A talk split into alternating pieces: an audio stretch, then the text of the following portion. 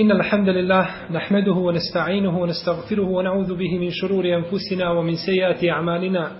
من يهده الله فهو المهتد ومن يضلل فلن تجد له وليا مرشدا. وأشهد أن لا إله إلا الله وحده لا شريك له وأشهد أن محمدا عبده ونبيه ورسوله وصفيه من خلقه وخليله.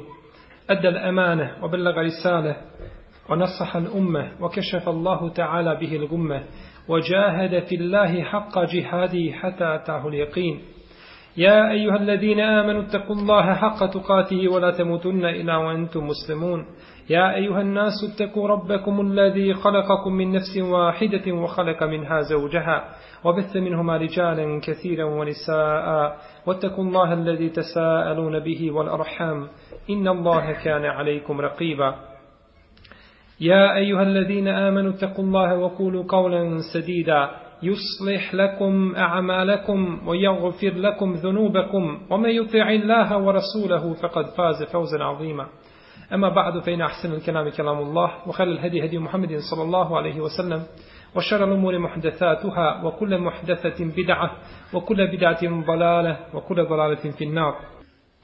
Danas je na redu hadis u poglavlju El Istitabeta, a to je predanje koje od poslanika sallallahu alaihi wasallame prenosi Ebu Katade El Haris ibn Riba'in u kome Allahov vjerovjesnik sallallahu alaihi wasallame kaže La yumsikenne ahadukum zekerahu bi jeminihi wa huwa jebulu ولا يتمسح min al khala'i bi yaminihi wa la yatanaffas fil ina neka niko od vas ne drži svoj spolni organ svojom desnicom dok obavlja malu prirodnu potrebu i neka se ne čisti nakon obavljene prirodne potrebe svojom desnicom i neka ne puše u posudu iz koje pije vodu.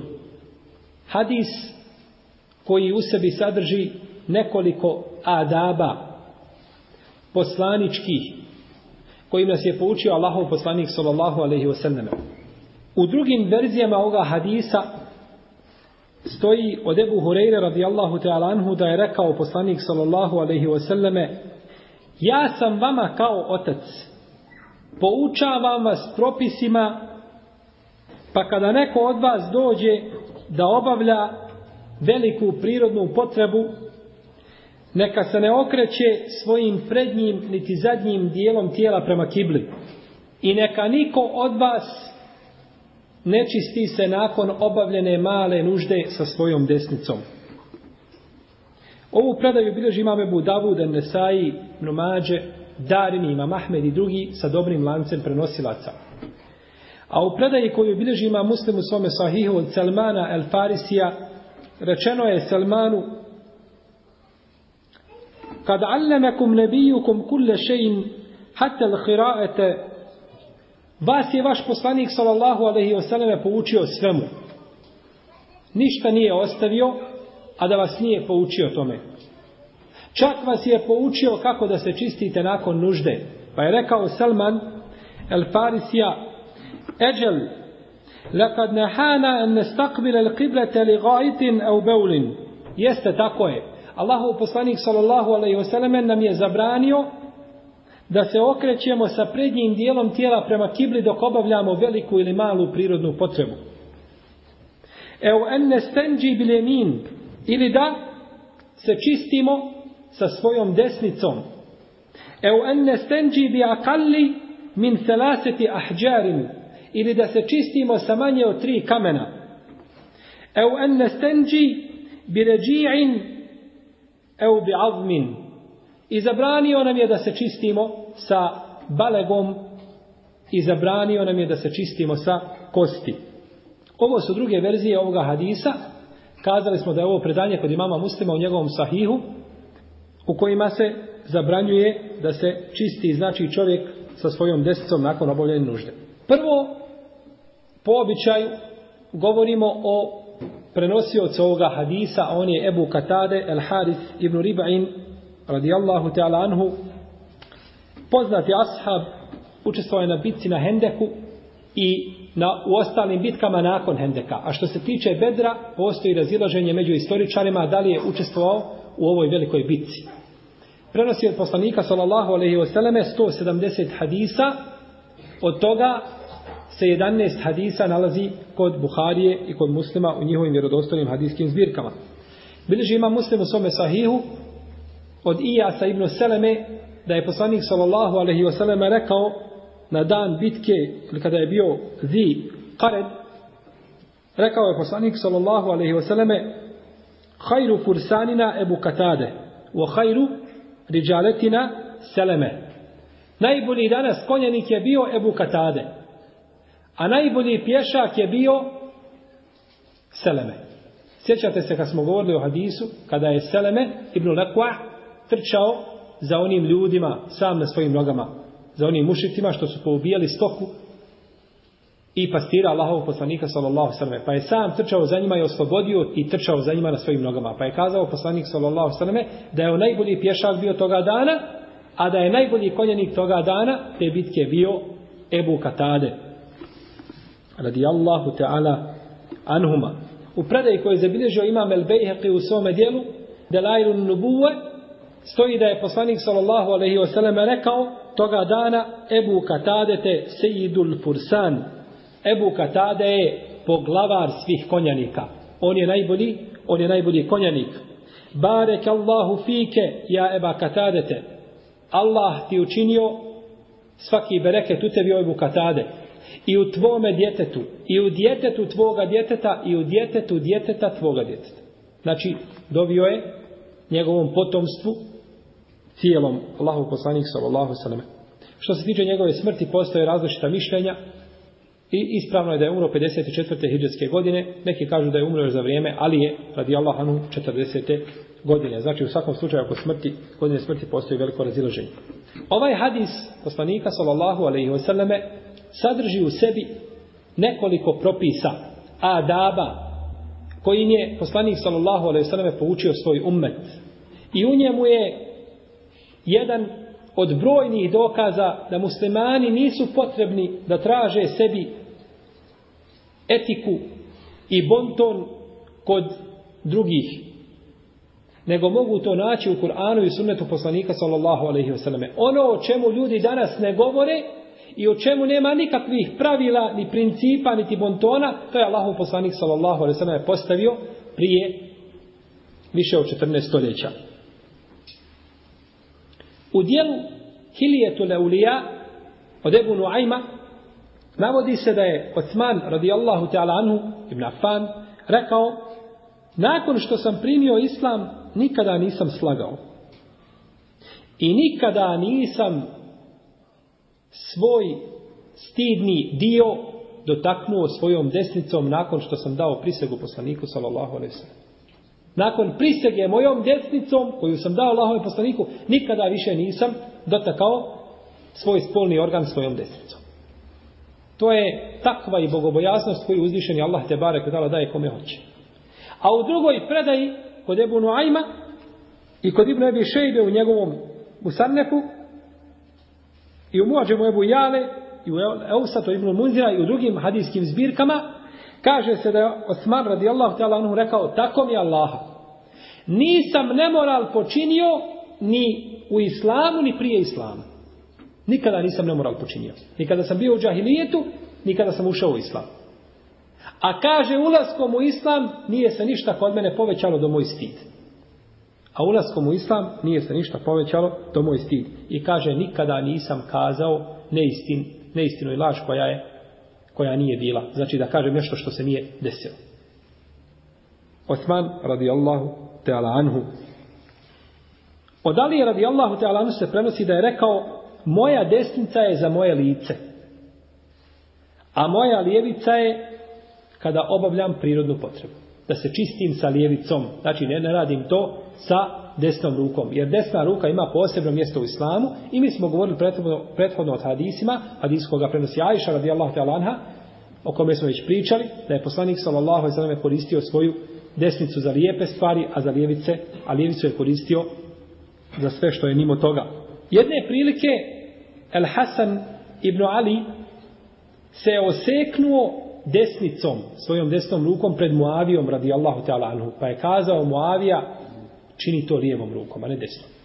Jer desna ruka nije znači za te stvari. Bileži imam Tirmizi el Hakim. Nije to onaj Ebu Isa, što ima El Džamija, što ima svoj sunet. Nije to on, to je drugi. Ovaj više je vukao i težio ka sufizmu. Ima svoju hadijsku zbirku koja se zove El Ilel. U njoj je spomenuo predaju od Ebu La'alije da je rekao Ma me sestu frđi bijemini mundu sitine seneten eu sebaine sene. Nisam svoje stidno mjesto ili svoj spolni organ dotakao svojom desnicom već 60 ili 70 godina. Nije to učinio znači svojom de, iz poštovanja prema svojoj desnoj ruci. U istom dijelu El Ilal od El Hakima Tirmizija se navodi da je rekao kazao je Ebu Darda čuo sam poslanika sallallahu alejhi ve selleme da kaže Men istenđa bi yeminihi faqad džale li šeitani sulaman ila nafsihi wa faqad ah-, aqlahu hatta jezhebe minhu dinuhu wa huwa la yashur. Kaže čuo sam poslanika sallallahu alejhi ve selleme da je rekao ko se očisti svojom desnom rukom taj je otvorio šejtanska vrata prema sebi. I izgubio je svoju pamet. I izgubio je svoju vjeru, a on to ne osjeti.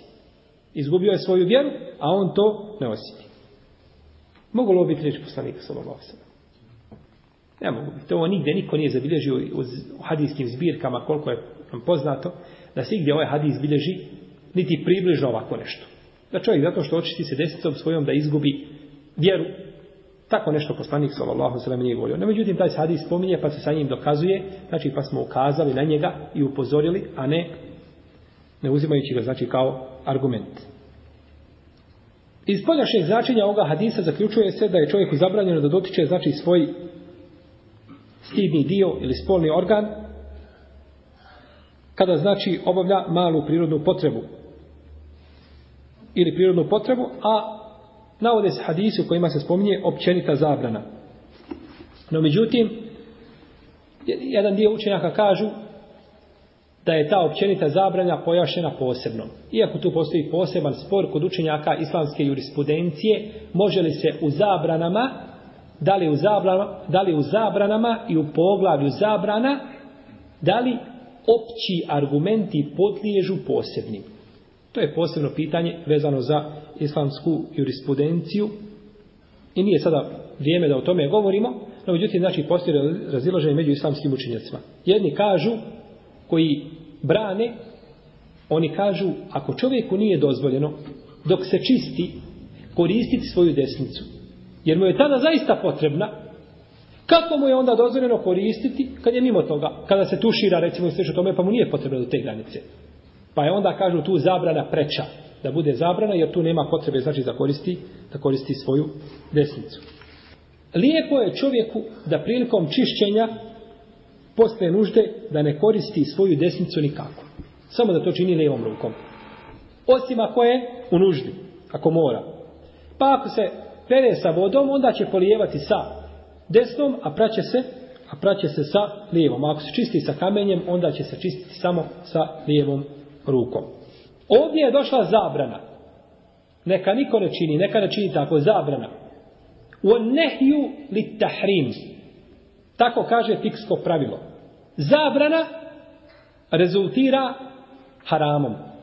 Kada se nešto zabrani, onda to biva haram. Osim ako dođe argument koji tu zabranu spusta na niži stepen, a to je šta? Mekruh. Jer naredba u šarijatu može biti za vađib i za sunnet i za što još? To je isto. Naredba u šarijatu može biti, kada se nešto naredi da to bude vađib, ili parz, ili sunnet, ili mubah. Tako u šarijetu se može narediti nešto, narediti nešto da bude mubah. A naredba kada dođe, zabrana kada dođe, ona ne može biti nego za haram, tahrim i za kerahijet, za kerahu, da je mekruh nešto. Ne može biti za mubah. Znači naredba može biti fard ili vađib, sunnet, mubah. A zabrana može biti samo za haram i za mekruh. Baš tako. Ne može zabrana, ne može biti u šarijetu da je nešto zabranjeno pa da je to mubah. Ne može. Ali može biti da je nešto naređeno pa da je mubah.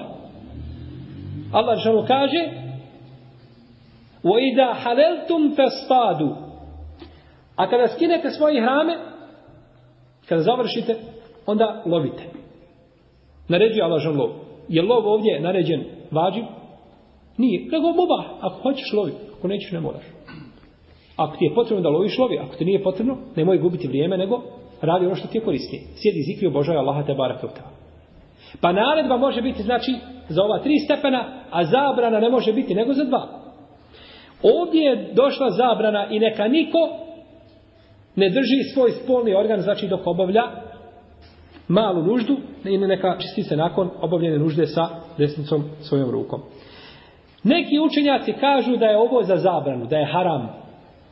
To je, tog je mišljenja, da tog su mišljenja učenjaci bukvalističke pravne škole zahirijskog mezheba, između ostali Ibn Hazm u svome dijelu El Muhalla, u prvom tom, na 95. strani je to kazao, i ovo smatra dio šafijskih pravnika, kao autor knjiga, knjige El Muhezzeb i drugi. Smatraju znači da je ovo, da je ovo haram. No međutim, čudno je da su isto vrijeme učenjaci bukvalističke pravne škole kazali da žena može dotaći svoje stidno mjesto svojom desnicom. Da to ne smeta. Jer kažu, šta, mi imamo za muškarca, jer ovdje se kaže zekerahu. Svoje stidno mjesto misli se na muškarčevo stidno mjesto. A kažu, za ženu nemamo argumenta. Pa će se ova zabrana odnositi isključivo na koga? Na muškarce. Neće na žene. Tako oni gledaju. I isto tako dozvoljavaju da žena svojom desnicom dirne spolni organ svoga muža. Ne smeta kod nje. Ali smeta da čovjek dirne svoj vlastiti organ sa desnom rukom. Pa su znači pristupili tom globalnom svatanju, globalnom svatanju hadisa. Čak učenjaci bukvalističke pravne škole kažu i ovoga stava su neko, neki hambelijski pravnici, kako spominje Ibnu Hadžar u svome dijelu Fethul Bari. Kažu kada bi se čovjek očistio desnom rukom, ne bi mu to koristilo nikako. Bio bi kao onaj koji se nije očistio nikako. Ne koristi desnom rukom da se čistiš. No, međutim, ispravno je da koristi, ako čovjek koristi des, očisti desnom rukom bez potrebe, čišćenje je ispravno, ali on šta? Ružno postupio. Ružno je postupio, ili da kažemo da je griješan, ako bismo kazali da je haram, što nije bio mezheb džumhura. Džumhur u Leme kažu da je to mekruh. Jer je kaže ovo je edebi, ovo su adabi, ovo je etika, pa neće u tome biti harama, nego će biti znači kerahijet i bit će, i bit će mekruh. Kaže ima mali kako se očisti desnom rukom, to će mu koristiti kao čišćenje, no međutim ružno je, ružno je postupio. Ovo je sve iz razloga što desna ruka znači je ima posebno mjesto pa kada bi se čovjek čistio desnom rukom nakon nužde možda bi se sjetio toga prilikom jela ili pića pa da mu ogadi jelo ili piće jer sunet je znači da čovjek jede sa desnom rukom a sigurno ako bi se sjetio šta je bilo prije toga možda bi čovjek ogadio sam sebi jelo što nije cilj šerijata. U ovome propisu žena je kao muškarac, nema nikakve razlike, njoj je zabranjeno da dira znači svoj prednji ili zadnji stidni dio tijela jeli, sa svojom desnicom zbog toga što je desnica zbog toga što je desnica znači mjesto ima posebno znači mjesto i ne treba na desnu ruku da dolaze nikakva nečistoće i nikakve prljavštine znači koliko je moguće da se toga čovjek sačuva. Iz ovoga hadisa isto tako možemo zaključiti ako čovjek na svojoj lijevici ima prsten na kome je napisano Allahovo ime nije mu dozvoljeno da se čisti sa njim, sa tom rukom. Na lijevoj ruci ako bi imao prsten, pazite. I napisano Allahovo ime. Ne može čist, se čistiti tom rukom, lijevom. To zaključujemo iz ovoga hadisa. Ko zna kako? Ovo je jedan čudan zaključak. Kako to zaključujemo iz ovoga hadisa? U redu, Allah ne se donio, nije, nije u WC-u, u prirodi je. Ne, prste na lijevoj ruci. Prste na lijevoj ruci, iz ovoga hadisa zaključujemo da se čovjek ne smije čistiti lijevom rukom na kojoj ima prste na kome je napisano Allahovo ime. Kako to zaključujemo iz ovoga hadisa? Ti se čije smije, ne, ne smiješ u redu. Kako zaključuješ to iz hadisa? To je jasno. Svima da se ne smiješ čiti sa Allahovim imenom. Ali kako zaključuješ to iz hadisa?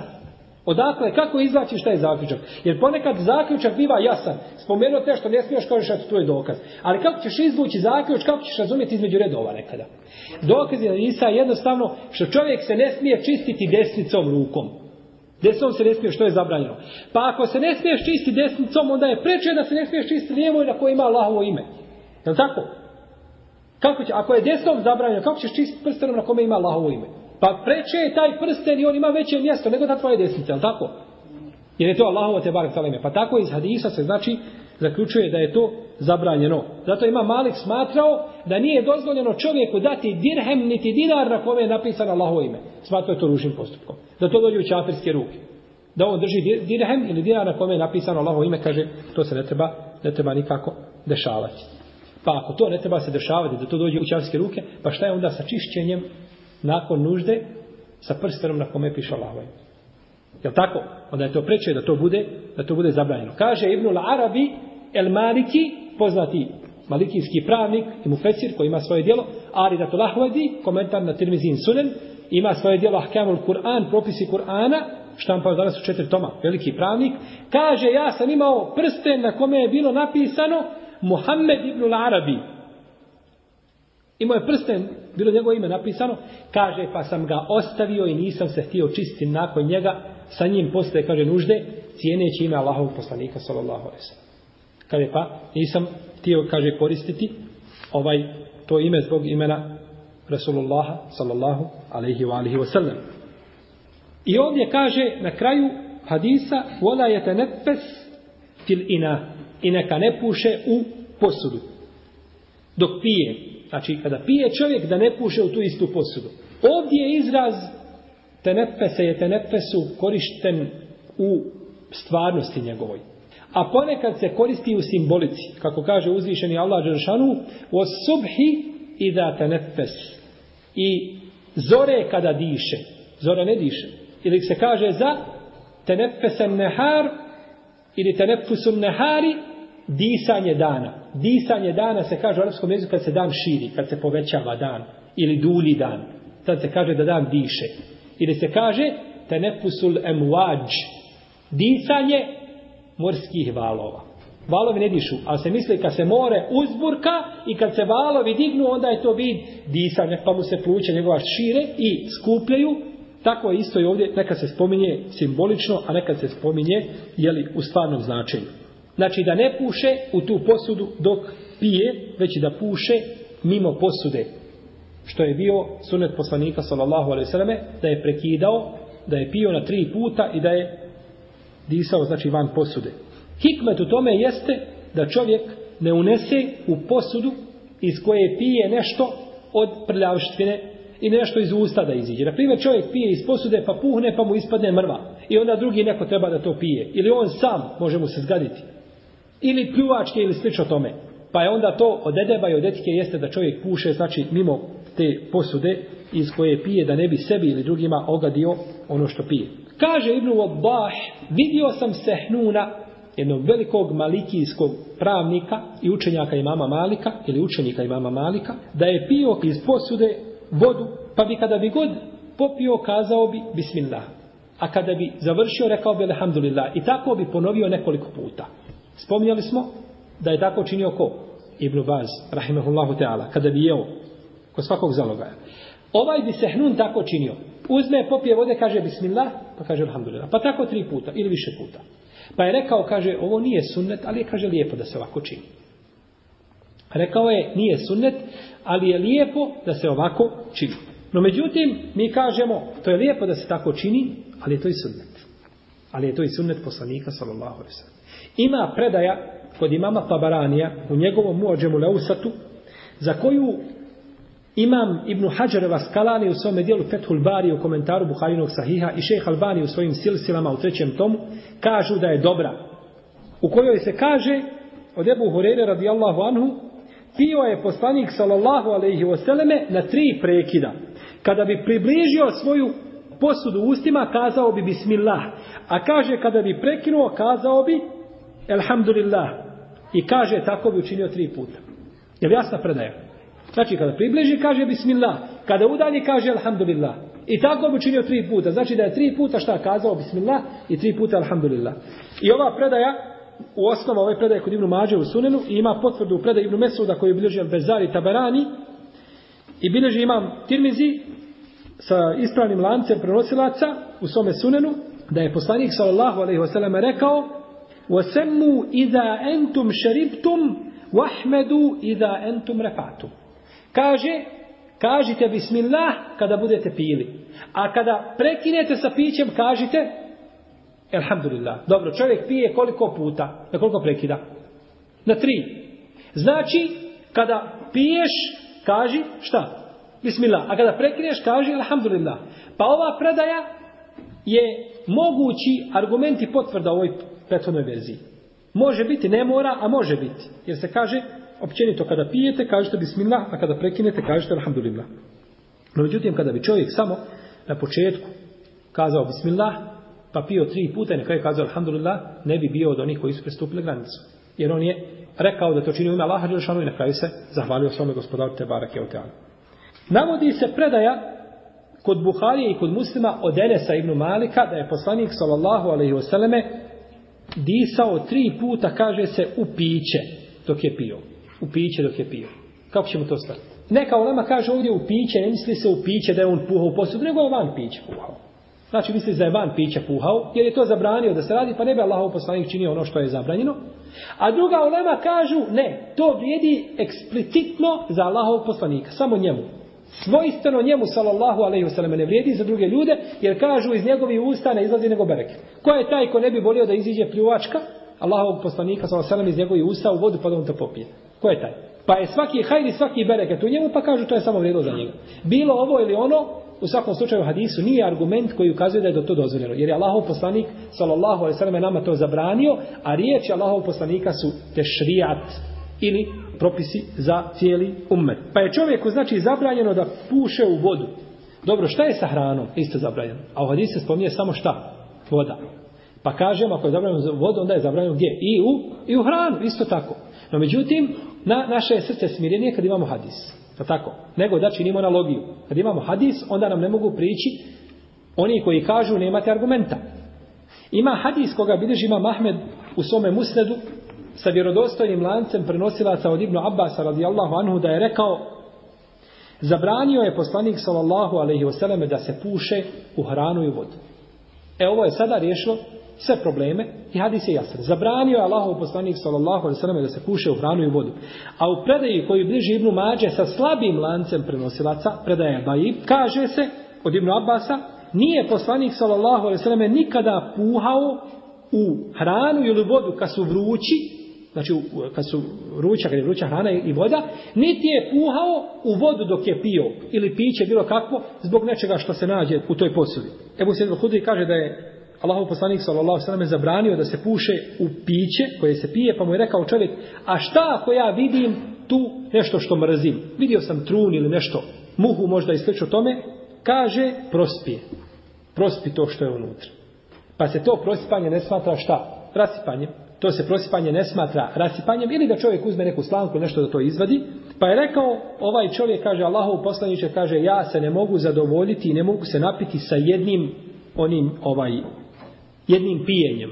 Nego moram na više puta. Pa mu je rekao poslanik sallallahu alejhi ve selleme, onda kaže odmakni posud od usta. Odmakni, pa predihni, pa ponovo nastavi. I ova je predaja vjerodostojna. Pa je znači zabranjeno čovjeku da puše, da uzme tu posudu i da puše u nju, da bi to smaknuo. A isti je propis, kazali smo, i za hranu. Isti propis je i za hranu. Jer čovjek puše u hranu zato što je šta? Vruća, pa ne može jesti. Bileži imam tabarani u svome dijelu Es-Sagir od Ebu Hureyre, radijallahu ta'ala anhu, kaže Donijeta je poslaniku, sallallahu alaihi sallam, vruća hrana, koja se je pušila, pa je digao svoju ruku i kazao Allahume la tuta'imna nara. Gospodaru naš, nemoj nas hraniti vatru. No, međutim, ova predaja daif. Predaja je šta? Daif, slaba, nije vjerodostojna. No, međutim, imaju vjerodostojne predaje koje ukazuju da nije dobro jesti vruću hranu. Između ostali je predaja koju bilježi imam Ibn Hibban i Hakim i Darimi i Bejheqi u kojoj je poslanik sallam, u kojoj je Esma bintu Ebi Bekr uzela hranu koja se pušila i poklopila je, ostavila da se malo ohladi. Jer je lepo da čovjek ili pokrije tu hranu, da nešto ne upadne u hranu. A ponarošto po noći. Po noći se mora pokriti. Jer je poslanik sallallahu alejhi ve sellem rekao u hadisu koga bježi ima muslim, ima jedno veće u godini kada Allah Žešanu sa neba spusta epidemije. Pa koja god posuda naiđe da je otkrivena u tu posudu će upast epidemija. Pa treba po noći znači da sve pokrije. Dobro, ako se stavi posuda u frižidera, ne pokrije se. Smatra da se pokriveno? Šala se smatra pokriveno. Šala da je pokriveno. Pa je Esma, binto Ebi Bekr, ostavila to da se ohladi i kaže čula sam Allahovog poslanika ona kaže čula sam Allahovog poslanika sallallahu alejhi ve selleme da je rekao za hranu koja se ohladi kaže innehu a'zamu lil bareke kaže ta u toj hrani će biti veći bereket kad se hrana ohladi kad se hrana ohladi ovo je ono što se danas u islamskom svijetu skoro pa nigdje ne praktikuje ljudi vole vrelo onako kako ključa da ga onako sipa u usta a to je to je neispravno. Vidimo iz ove vjerodostojne predaje da je poslanik sallallahu alejhi ve sellem rekao da je u tome veći bereket. Ne samo bereket, već brojne bolesti izaziva vruća hrana. Pa neka je salavat i selam na Allahov poslanika sallallahu alejhi ve selleme koji nam je ukazao na ono što je najbolje. A bilježi imam Bejheqi u svome dijelu Esunen sa vjerodostojnim lancem prenosilaca da je rekao Ebu Hureyre La yukelu ta'amun hatta jezhebe buharuhu Neće se jesti hrana dok ne ode njena para. Kad se više ne bude pušilo, onda jedi. Ovo je kazao Ebu Hureyre, čovjek koji je najviše vremena proveo, ne najviše vremena proveo, ali najviše zapamtio od poslanika sallallahu alejhi ve selleme i najviše nama prenio i najviše nama prenio od svega toga. Pa znači nije ispravno čovjeku da puše u hranu i nije ispravno čovjeku da puše u piće, znači koje pije, bilo da puše zbog toga što je vruće ili da puše da nešto udalji ili makne neki trun i slično tome. Znači sve je to oprečno, sve je to oprečno i sve to nije ispravno. Islamski učenjaci su raspravljali čak o tome koji od ova tri predaha treba biti najdulji. Ako se na tri predaha čini to, koji najdulji treba biti? Pa neki kažu prvi, neki kažu zadnji i tako dalje, no međutim, za to nije došao dokaz u šarijetu, nego kako god čovjek da učini to na tri predaha, bit će, inša Allah, ispravno. U ome hadisu koga smo spominjali od Ebu Katade, je dokaz da čovjek može piti na jedan predah, da ne mora piti na tri predah. Može, znači, dovoljno je da pije na jedan predah. Jer je poslanik, sallallahu alaihi sallam, ovdje rekao, i neka ne puše u posudu. Znači, bitno je da ne puše u posudu. Samo neka popije i neka smakne ako će predihnuti. Ali neka ne puše u posudu. Pa može, znači, piti jedan put, ne mora na tri. I sjetite se hadisa koga smo sada spomenuli, Ebu Seide al-Hudrija, u kome kaže, Čovjek, a šta Allahu poslanič ako ja vidim unutra nešto što mrzim? Pa mu kaže Allahu poslanik sa osadom, prospi. Ali kaže, ja se ne mogu napiti iz jednog pijenja. Pa mu kaže poslanik sa osadom, onda odmakne šta? Posud. Nije rekao, pa i ne treba da se napiješ iz jednog pijenja. Nego trebao od tri, jel? Nije mu to rekao. Ovaj kaže, ja ne mogu odjednom. Kaže, pa onda odmakne posudu, pa predaje.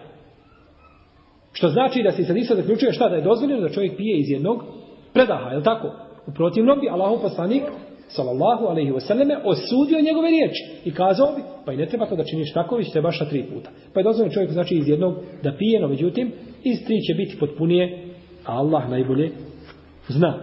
Prenosi se od Ibnu Abbasa, Tausa i Ikrime da su ovo mrzili. Da su mrzili da čovjek pije na jedan put. I govorili su da je to šurbu šeitan. Da je to postupak šeitana. Da tako šeitan pije.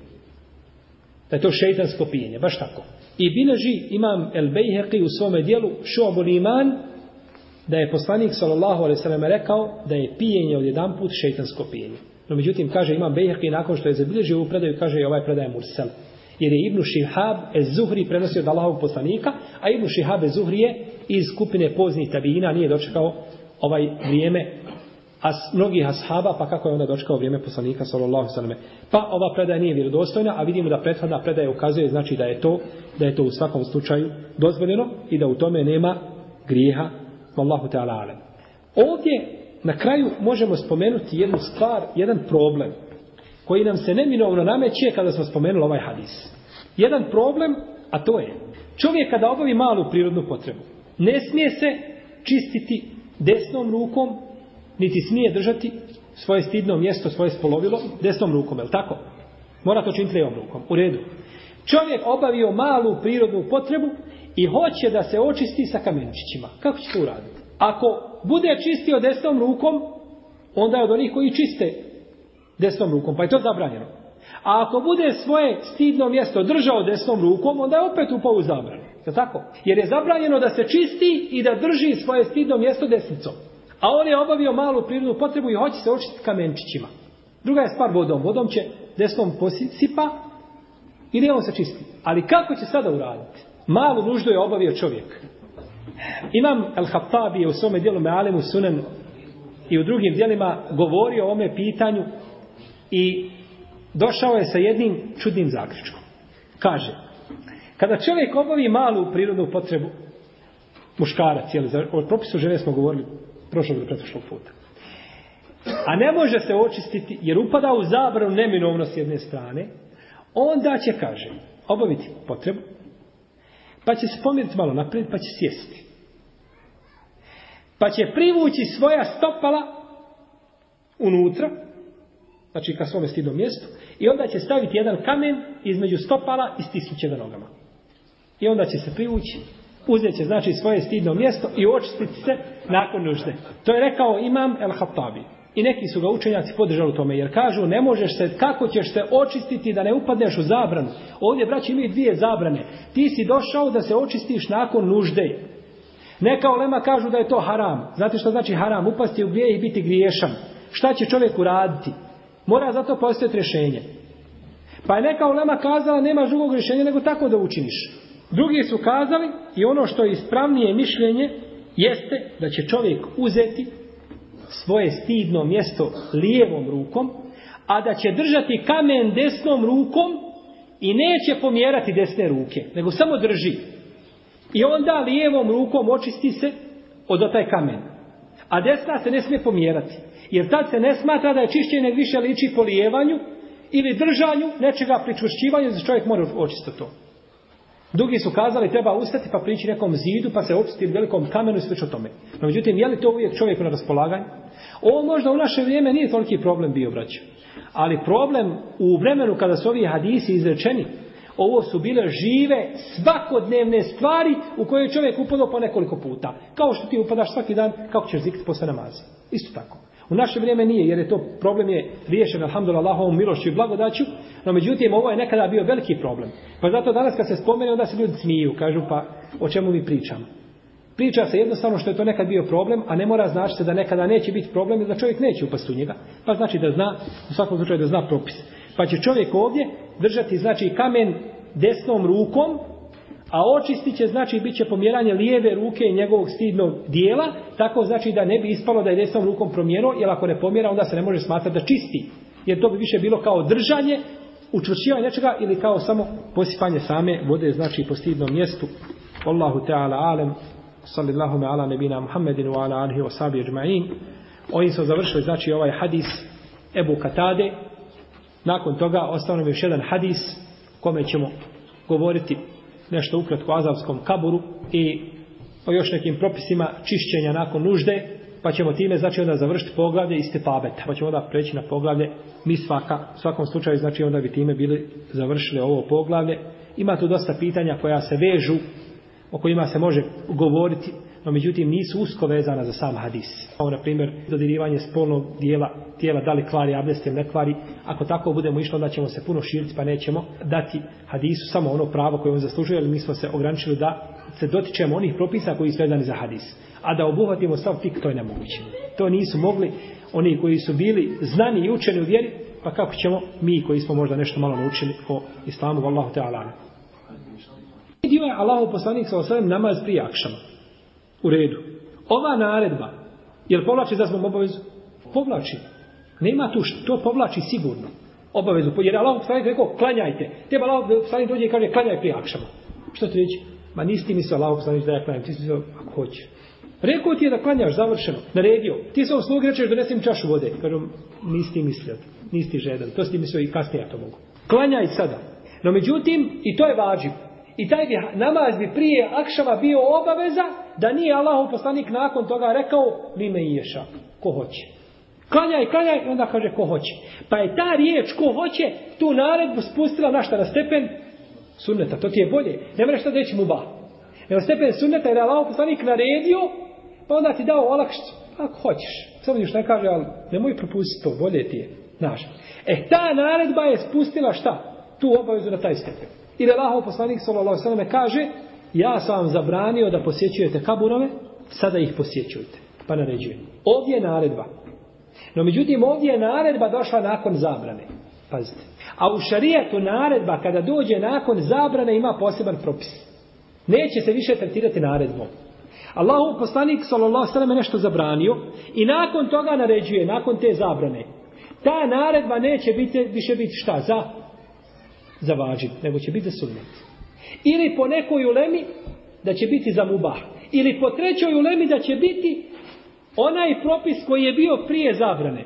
Budući da spito ome, moraš trpiti slušati.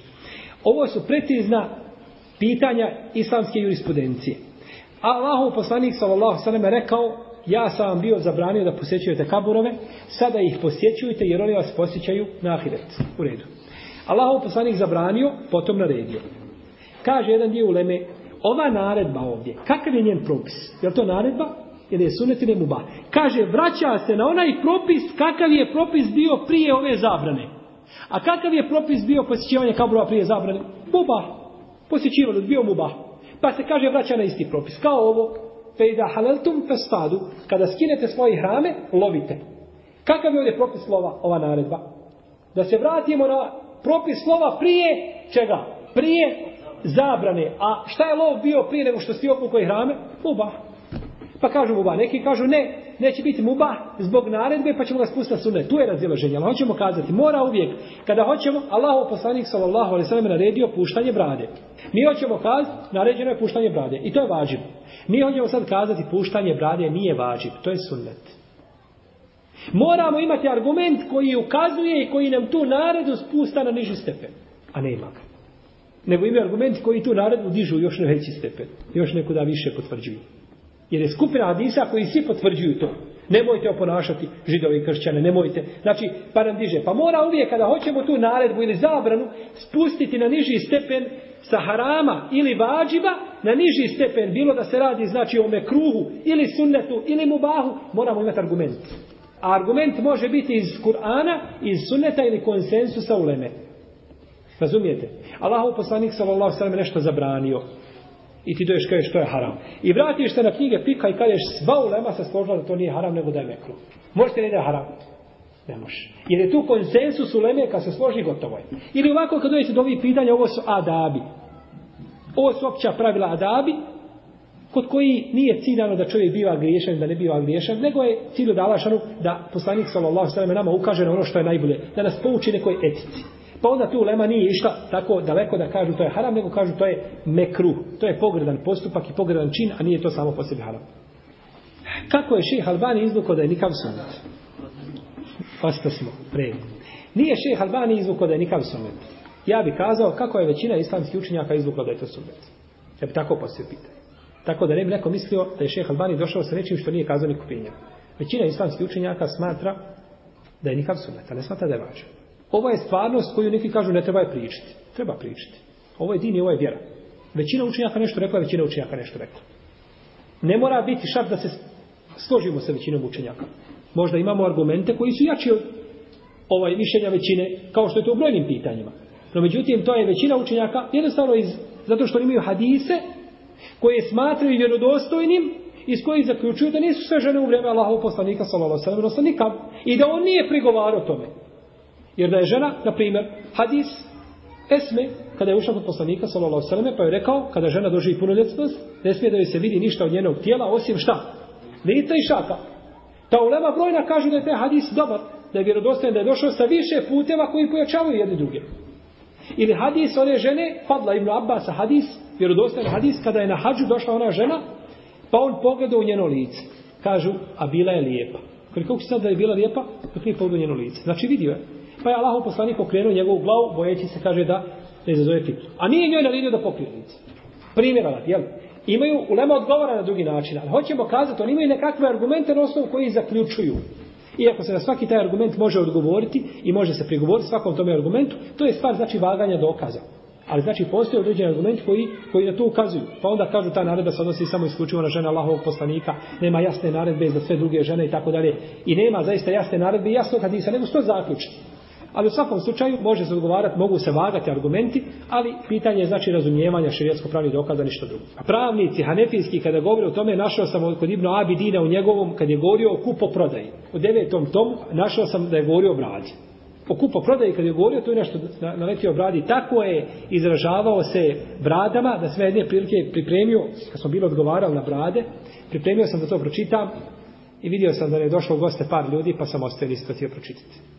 To su tako žestoki izrazi za ljude koji briju brade. Znaš, tako da ne bi rekao da Hanefi učenja to smatraju, ovaj, to smatraju grubim i pogrdnim postupkom i ne smatraju da je samo brada sunnet, nego da je brada sigurno više od toga. Allahu Teala alam.